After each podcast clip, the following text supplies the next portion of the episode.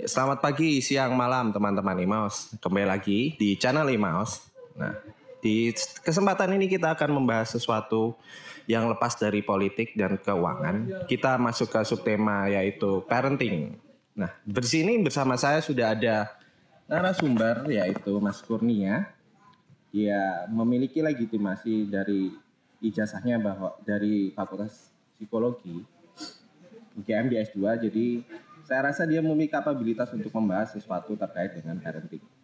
Halo teman-teman semua, saya Kurnia Dani, Ya, saya alumni Magister Psikologi Universitas Gajah Mada, akan menemani teman-teman dalam obrolan kali ini. Iya, jadi langsung aja mas. Kan parenting ini isu yang atau bahasan yang sekarang lagi naik.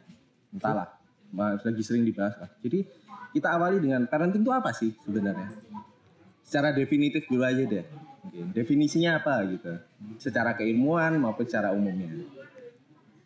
Kita sederhana saja, sebenarnya parenting itu banyak definisinya ya. Secara umum, secara general kita dapat eh, memahami bahwa yang disebut parenting itu adalah suatu seni Art ya. art dalam eh, mempersiapkan buah hati kita untuk dapat berkembang, tumbuh menjadi pribadi yang siap menghadapi realitas, Hmm. mampu bergaul secara sosial, secara sehat dan fungsional. Hmm. Seperti itu. Fungsional tuh maksudnya gimana mas? Dapat berperilaku dengan menyesuaikan norma-norma sekitarnya. Oh, gitu. Ya, ya, ya. Kemudian ini, kadang kan anak itu dianggap kategori anak di Indonesia tuh sampai umur berapa sih biasanya? Kalau di Indonesia sendiri 17 tahun itu masih dianggap anak ya. Oh, masih dianggap anak 17 tahun itu.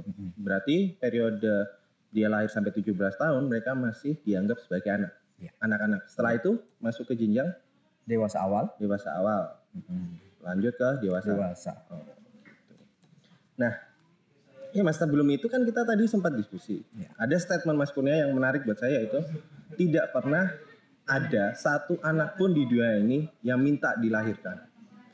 Betul. Itu gimana itu mas? Hmm. Itu cukup menarik buat kita bahas menurut. Oke.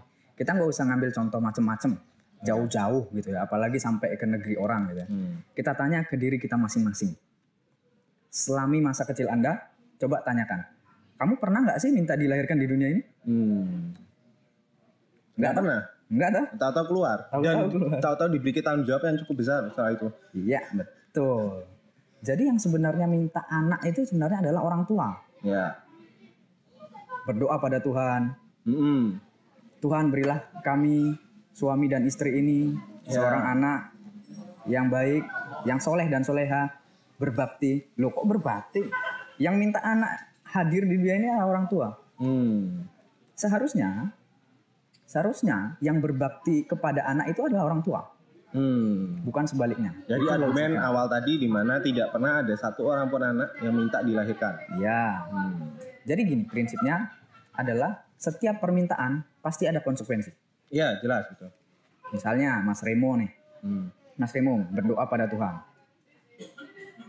supaya dapat anak. Hmm. Amin. Akhirnya dikabulkan oleh Tuhan, dapat anak. Nah, selang berapa waktu ternyata kebutuhan anak kan tidak cuma 5000 perak nih, Ya. ya kan?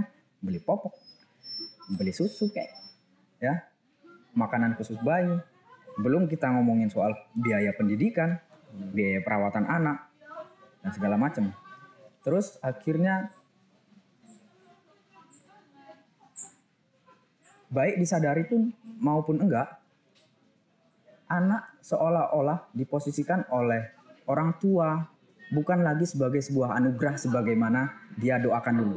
Ya. Tapi anak kemudian dijadikan sebagai burden, Hmm. beban, Hmm. beban ekonomi. Ya. Tuh. Jadi Karena gini mas, mungkin bisa disadari beban ekonomi itu mungkin pandangan bahwa ketika punya anak kemudian membayangkan biaya segala macam biaya, jelas biaya itu akan menjadi sebuah beban, gitu kan? Atau mungkin perspektifnya nggak terus ditarik situ ketika mempunyai seorang anak sehingga dia nggak menjadi beban atau gimana? Nah, itu kesadaran awal makanya tadi ada opening statement kita adalah anak tidak ada seorang anak pun yang lahir ke dunia ini atas permintaan dia sendiri. Itu adalah keinginan orang tua. Ya. Konsekuensinya adalah orang tualah yang harus bertanggung jawab penuh dan menyadari ulang bahwa anak itu adalah anugerah serta tanggung jawab yang harus dipegang sebaik-baiknya. Hmm. Nah kalau begitu berarti anak ini punya hak. Jelas. Nah mungkin banyak teman-teman yang nggak memahami bahwa apa aja sih sebenarnya hak-hak anak ini. Karena gini, kalau saya memiliki pandangan, kita tidak bisa menuntut sesuatu pada orang lain atau pada anak atau pada siapa pun ketika dalam arti menuntut itu kan dia memberikan kewajiban tanpa kita memberikan haknya. Karena kewajiban itu muncul setelah hak, hak itu harus dipenuhi dulu baru kita bisa menuntut kewajibannya kalau menurut saya sih gitu. Nah, sedangkan untuk anak sendiri apa hak-hak anak itu sebenarnya? Karena takutnya gini, terlalu banyak anak yang memiliki beban kewajiban mereka pada orang tua tanpa mendapatkan haknya. Seperti itu. Ya, betul. Jadi eh, setiap orang tua itu harus menyadari bahwa anak itu memiliki hak yang harus dipenuhi dan itu juga harus disesuaikan pada setiap periode perkembangannya. Hmm, jadi ada periode perkembangan anak ya? Ya, dan itu hak-hak yang harus dipenuhi juga masing-masing periode berbeda. Hmm, gitu ya. Nah, dan masing-masing periode ini ketika satu haknya ini tidak terpenuhi, ini akan mempengaruhi dalam ke kepribadian yang terbentuk kemudian. Hmm, akan mengaruhi tahap berikutnya. Tahap perkembangan berikutnya seperti Hmm. itu. Apa aja mas contohnya hak anak? Misalkan, yang yang general aja mungkin. Oke, kita mulai dari awal ya. Hmm. Dari periode umur sekitar 0 baru lahir hingga sekitar satu tahun atau 12 bulan. Ya, kalau di periode itu sekitar sampai 18 bulan. Ya, tapi kita ambil umumnya saja Hmm. 0 sampai 1 tahun. Itu hak anak adalah yang pertama tentu saja hak support life, supporting life. Hmm. Ya, berikanlah dia asupan makanan yang baik. Ya. Apa makanan yang paling baik untuk umur, umur segitu? Asi. ASI eksklusif itu penting sekali. Ya. Itu tidak boleh terputus. Bukan hanya enam bulan ASI eksklusif itu. Bahkan sebaiknya sampai 2 tahun Oh gitu. ASI. Itu kan baru didampingi oleh makanan pendamping ASI ketika dia telah cukup kuat pencernaannya. Hmm. Nah, tapi bukan hanya sekedar makanan, Hmm. Apa? bukan sekedar ASI atau makanan pendamping ASI yang dibutuhkan oleh anak. Tapi adalah kehangatan. Karena periode 0 sampai 1 tahun itu ada periode anak dalam eh, membentuk atau membangun yang disebut trust, rasa Hmm. percaya. Rasa percaya apa? Bukan hanya rasa percaya terhadap orang tua atau wali atau pengasuh, bukan. Tapi lebih dari itu, si anak ini akan mengembangkan pola eh, trust terhadap lingkungan sekitar bahkan dunia. Hmm. Jadi kalau anak ini mendapat eh, asupan makanan yang sudah mencukupi, dia juga mendapat perhatian dan kehangatan yang mencukupi. Saat dia membutuhkan, dia akan menangis dan respon terhadap kebutuhan itu eh, tidak berselang lama atau bahkan terlalu lama ya, cepat gitu ya. Dia akan membangun pola trust yang baik. Hmm. Dia akan belajar mem- mempercayai orang tua, ayah, ibu, lingkungan sekitarnya dan dunia. Oh gitu ya. Jadi trust ini nanti membentuk apa mas ke depannya? Dia akan berdampak ke apa? Ketika anak itu memiliki trust dan tidak memiliki trust. Nah, saya jelasin dulu. Ketika anak tidak mendapat itu, Ya. tidak mendapat eh, support life yang baik, tidak mendapat kehangatan yang baik, kurang, atau jangka antara kebutuhan dan pemenuhan, Hmm. dia akan membentuk suatu perilaku yang paranoid. Dalam arti? Dia tidak mempercayai hubungan dengan orang lain. Oh. Dia tidak akan membangun suatu eh, eh, trust terhadap yang paling dekat ibunya, ayahnya, orang tua ya, lingkungan eh, keluarga, lingkungan sosialnya, apalagi dunia. Hmm. Dia bisa berkembang menjadi orang yang mistrust terhadap apa pun, bahkan kepa- kepada dirinya sendiri. Hmm. Gitu. Itu nanti jelas kalau itu akan dampaknya ke, ke jenjang dia berikutnya karena setelah itu dia akan menghadapi jenjang kehidupan di mana dia akan berinteraksi secara sosial. Ya, betul sekali. Oh gitu gitu ya ya ya ya. ya. Terus sekarang ini kan di era di mana saya nggak tahu ya karena banyak orang tua yang akhirnya untuk membahagiakan anak itu cenderung kepada hal-hal yang materialis yang mati penurutan kebutuhan anak dalam bentuk barang dan macam-macam. Sebenarnya apa sih sebenarnya ke- yang diminta anak? Karena saya anak itu saya rasa nggak akan tahu apa itu ap- nilai sebuah barang gitu loh. Ya, atau itu cuma anggapan orang tua untuk membagian anaknya kemudian dia membelikan sesuatu yang mahal yang baik yang dia rasa anaknya akan suka. Padahal mungkin bukan itu. Sebenarnya apa sih yang paling diinginkan? Mungkin ada contoh kasusnya atau mungkin beberapa penelitian sebelum-sebelumnya terkait dengan itu ya betul sekali, Mas Remo. Jadi sebenarnya anak itu yang paling dibutuhkan anak selama periode perkembangannya itu yang paling utama adalah interaksi dengan orang tua, waktu orang tua. hmm Harta yang paling berharga yang dapat diberikan orang orang tua kepada anaknya adalah waktunya, bukan materinya ya bukan materinya, Mas Remo. Hmm. Jadi waktu itu tidak akan bisa terganti lagi. Iya, sepakat itu. Masa kecil, masa remaja itu kalau sudah lewat ya lewat, Iya, tidak akan bisa diulangi, iya, iya. ya kan? Sedangkan materi sekarang Mas Remo kasih jajan atau kasih benda barang kesukaan anak misalnya. Mainan. Besok bisa dibeli lagi, Iya, sepakat. betul? Betul. Tapi ketika waktu itu hilang, misal Mas Remo ini sibuk kerja, pergi pagi pulang pagi, Hmm, ibunya juga sama pergi pagi pulang pagi, yang ngasuh anak ini siapa? pembantu. Pembantu. Putihnya. Atau mbahnya? Iya. ya? Mana waktunya diberikan kepada anak? Tidak dapat. Seperti itu. Waktu itu yang kebutuhan yang paling dasar, yang kedekatan kepada anak, interaksi pada anak itu materi itu nomor sekian kalau untuk anak itu.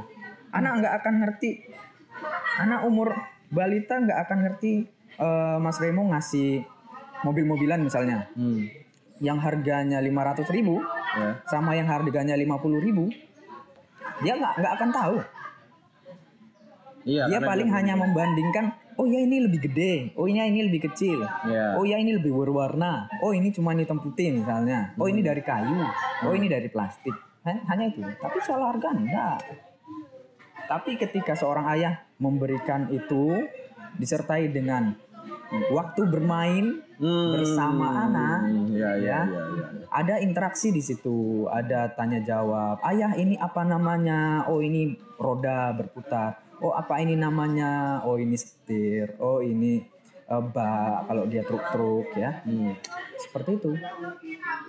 Nah kalau hal itu tergantikan diberikan oleh orang lain gimana? Misalkan tadi misalkan benar-benar nggak bisa akhirnya utinya yang menggantikan. Hmm. Nah kan perhatian itu diberikan pada anak itu mendapatkannya melihatnya dari mbahnya. Hmm. Itu ada dampaknya nggak sih? Jelas. Atau masih mending ya kalau mbahnya kalau misalkan pembantunya misalkan. Hmm. Ketika anak diasuh bukan oleh orang tua atau walinya langsung, ya, eh, pola trust ini juga akan berbeda. Hmm. Lebih lanjut lagi, yang namanya otoritas Ya. itu juga akan berbeda. Hmm. Seorang ayah eh, misalnya menghukum anak secara tegas akan berbeda dengan utinya atau eyangnya yang kakungnya yang mengasuhnya memberi hukuman dengan tegas akan berbeda. Lebih efektif mana? Orang tua karena otoritas langsung kok. Enggak, maksud saya hukuman itu akan lebih efektif mana? Ketika diberikan mereka yang mengasuh dengan orang tua yang tidak mengasuh misalkan. Orang tua yang mengasuh. Oh, jadi utinya mungkin lebih berdampak. Mungkin dia akan lebih nurut sama utinya. Ya, sama orang tua seharusnya. Heeh. Tapi kalau dia diasuh bukan oleh orang tua, Hmm. dia akan mengembangkan kepribadian yang jadi pemberontak toh. Oh, karena otoritas orang tua tidak bisa diterapkan di situ. Ya, misal, Oh. misal banyak kasus banyak kasus anak ketika melakukan kesalahan Hah? dan diberikan eh, hukuman misalnya dia akan mengatakan kamu siapa kok menghukum Ya. saya Gitu. kamu bukan orang tua saya gitu kan. Hmm, ada kemu- di di pikiran dia seperti itu. ya misalnya dia diban- di, di, diasuh oleh pembantu pembantu juga nggak akan berani kan Ya. menghukum anak majikan Iya, iya, seperti iya. itu kalaupun dia di eh, eh, diasuh oleh kakek atau neneknya juga demikian seperti itu Hmm, kakek dan nenek nggak akan tega menghukum cucunya pada umumnya jelas. ya kan nah ketika dia diasuh oleh orang tuanya langsung dalam konteks eh, orang tuanya sibuk bekerja nggak pernah di rumah dia juga akan memberontak. Kenapa? Kenapa bapak menghukum saya? Bapak aja nggak pernah di rumah misalnya, kan? ibu aja nggak pernah di rumah. Jadi anak yang nggak nurut itu nggak bisa disalahkan karena dia memang nakal ya. pola asuhnya dulu yang dilihat. Hmm. pola asuhnya dulu yang dilihat Kan banyak tuh yang menganggap kalau anaknya nakal karena nggak mau nurut. Ya kita harus lihat dulu dalam arti orang tuanya memberi waktu yang cukup nggak buat dia sehingga orang tua ini bisa menurunkan otoritasnya tepat ke anaknya. Seperti itu. ya Iya, jadi gini Mas Kur, lanjut lagi. Kan sekarang banyak nih fenomena orang tua tuh menjadikan anak sebagai alasan mereka untuk pergi pagi, pulang malam, bekerja untuk memenuhi kebutuhan anak. Pandangan Mas gimana untuk hal ini? Melihat tadi kan statement di awal pembahasan kita bahwa kebutuhan anak utama adalah kehangatan.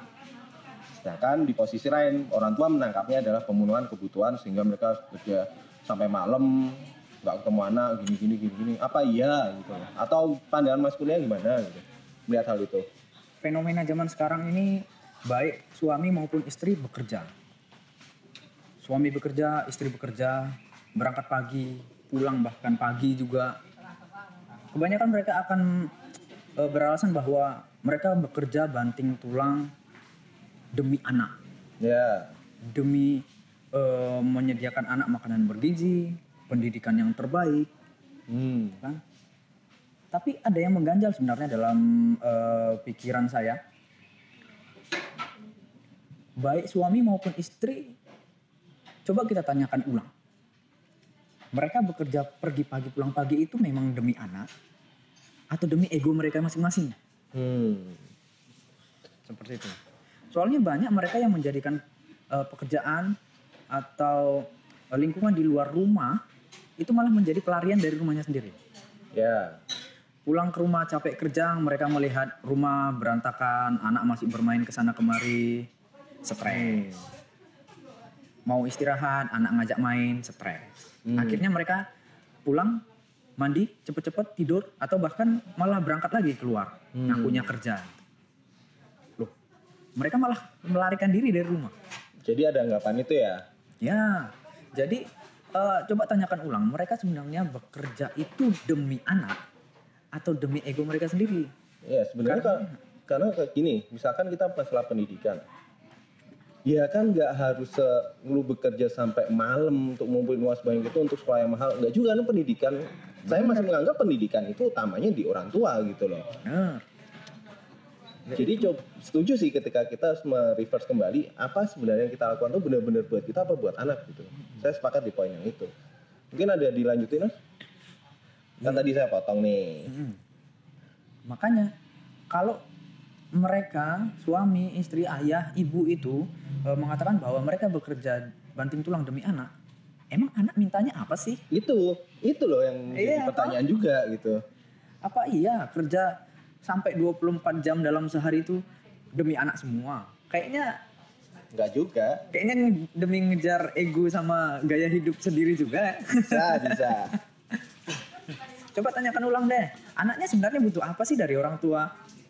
Hmm, iya ya. Tapi ini mas, mungkin ini agak keluar topik. Saya, saya tuh punya bayangan.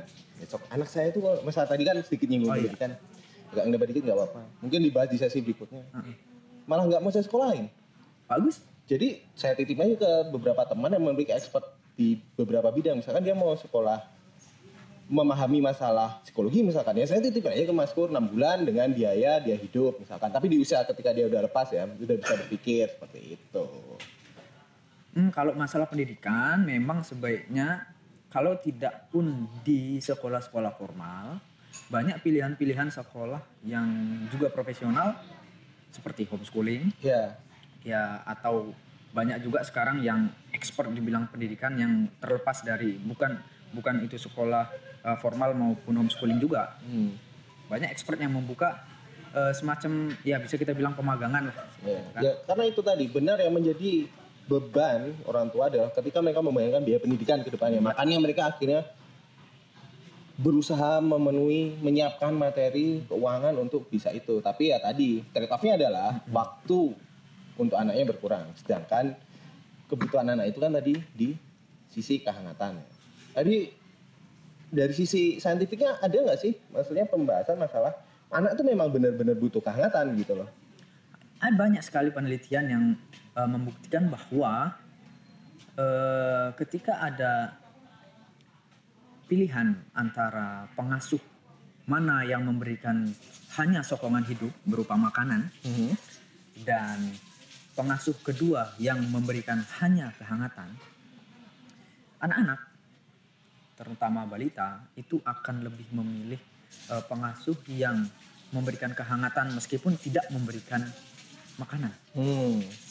Itu ada eksperimen ya misalkan. Ada banyak penelitian dilakukan itu berupa eksperimen bahwa eh, seorang anak eh, Ini contohnya ya. ini contohnya, ini contohnya. Jadi ada dua eh, sosok pengasuh. Di sini boneka ya. Hmm. Oh dua-duanya boneka ya. Dua-duanya boneka. Yang satu terbuat dari metal yang dingin, Hmm. tapi putingnya mengeluarkan susu. Jadi boneka itu dibentuk sedemikian rupa Mm-mm. sehingga memiliki putih yang mengeluarkan susu, Iya, tapi dia terbuat dari metal, dari besi. Seolah-olah- yang dingin. mengeluarkan asi gitu lah ya. Iya. Memang mengeluar- mengeluarkan AC. Oh, susu ya? Makanan, ya. Hmm. Nah, yang kedua, sosok yang kedua ini adalah boneka. Dia eh, tidak mengeluarkan susu, Mhm. tapi eh, surface-nya, permukaannya dia berupa bulu Hmm. yang hangat, Dibalut bulu gitu ya. dibalut bulu, jadi lebih hangat. Hmm. Dibandingkan yang satu, dia dari metal, Hmm. dingin. Nah, si anak akan lebih memilih eh, orang tua yang memiliki bulu Hmm, karena hangat. karena hangat. Hmm. Nah, si anak hanya akan mendatangi eh, sosok boneka yang mengeluarkan susu hanya ketika dia lapar. Ya paling satu menit setelah dia kenyang dia akan kembali lagi ke eh, boneka yang hangat. Jadi mereka memang lebih membutuhkan di eksperimen itu berarti anak ini memang membutuhkan kehangatan lebih banyak. Dia akan pindah ke tempat lain ketika dia hanya membutuhkan pasokan makanan gitu. Ya, Oke. Berarti itu sebenarnya ada di sosok ibu ya yang lengkap udah hangat dan bisa mengeluarkan makanan gitu Iya. kan. Oh, gitu. bayangkan kalau kamu punya ibu Ya. hampir tidak pernah di rumah, pulang-pulang hanya memberikan selembar dua lembar duit, setelah itu pergi lagi, dan sisa waktumu kamu habiskan bermain dengan dirimu sendiri, ya maksimal mentoknya dengan pembantu. Ya, mungkin itu bisa kita tanya ke anak-anak sekarang ya. Kalau zaman saya sih masih ketemu sama emak saya gitu. Bayangin, Ya, ya, ya, ya. Oke. Oke. Apa lagi ya, Mas? ya?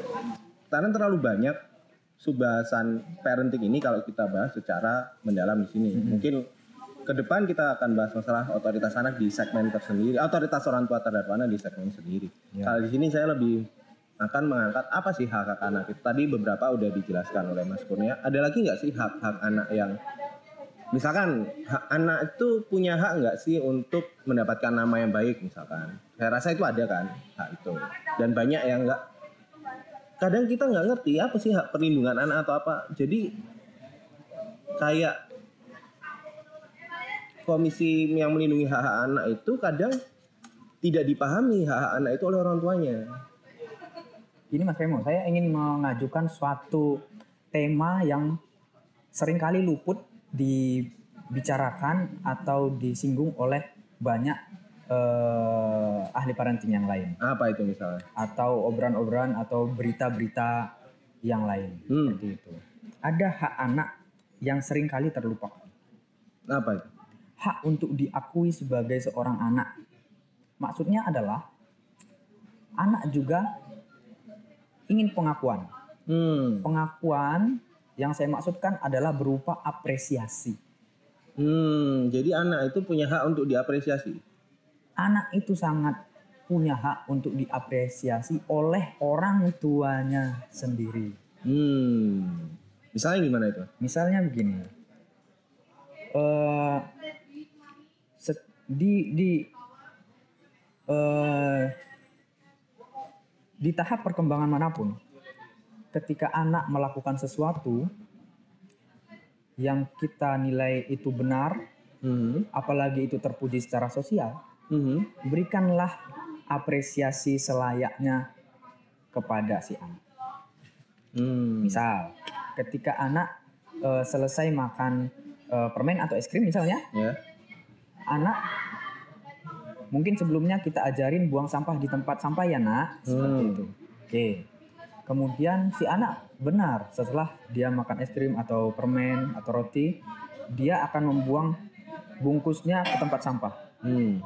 Hal yang sangat sederhana, berikan apresiasi. Eh, anak papa pinter ya buang sampah pada tempatnya. Hmm. Itu apresiasi. Sangat sederhana, tidak mengeluarkan duit, Tapi sering dilupakan. tapi sering dilupakan. Apresiasi.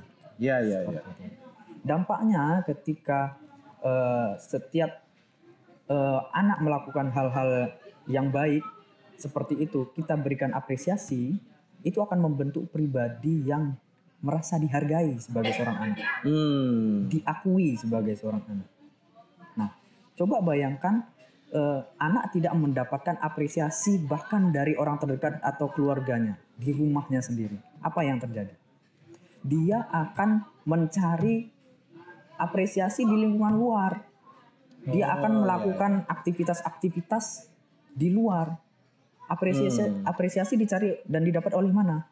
Lingkungan sosial terdekatnya, pergaulan teman-temannya. Dia akan melakukan kegiatan-kegiatan yang misalnya mencoba-coba hal yang berbahaya. Teman-temannya akan mengapresiasi, oh eh, kamu hebat ya, Hmm. oh kamu ternyata kamu pemberani, oh kamu kok bisa melakukan itu, hebat, dapat tepuk tangan dari teman-temannya. Padahal itu perilaku yang Nyimbang. yang menyimpang atau salah atau kurang tepat secara normal misalnya. Hmm. Nah, apresiasi yang tidak diperoleh oleh anak di dalam keluarga itu akan dikompensasikan ke perilaku-perilaku di luar yang belum tentu itu benar. Seperti itu. Ya, ya, ya. Seperti itu. Jadi kalau eh, kita melihat kenapa sih kok anak-anak sekarang ini demennya balapan? Hmm. Kenapa sih anak-anak sekarang ini demennya eh, eh, tawuran? Hmm. Oh, Anak-anak sekarang demennya bikin YouTube mungkin karena like yang didapatkan Ya. di media sosial lebih banyak daripada like yang diberikan Ya. orang tua mungkin. YouTube, post, podcast gitu ya, like Iya. likernya banyak gitu kan, jumlahnya, Itu subscribernya bisa juga banyak. ditarik ke situ dalam hati Bisa. mencari apresiasi. Oke, ternyata ketika aku bikin ini di luar beberapa apresiasi aku lebih banyak. Ya. Sedangkan orang tua aku enggak. Nah, nah, kembali ke bahasan kita di awal tadi, setiap eh, periode perkembangan di mana dia tidak terpenuhi hak-haknya, Mhm. dia akan pasti akan mencari kompensasi atas kebutuhan yang tidak terpenuhinya di masa kecil atau di masa perkembangan itu Empat lain. di tempat lain. Ketika dia tidak mendapatkannya dalam keluarga, dia akan mencari di lingkungan sosialnya. Hmm. Ya, ya, ya. Itu. Itu hak-hak sederhana yang sering kali dilupakan. Ya udah. Udah cukup panjang nih Mas Kur. Oh, Oke. Kira-kira kata-kata pamungkasnya apa Mas Kur untuk pembahasan kita terkait dengan hak anak, parenting dan hak anak Hmm.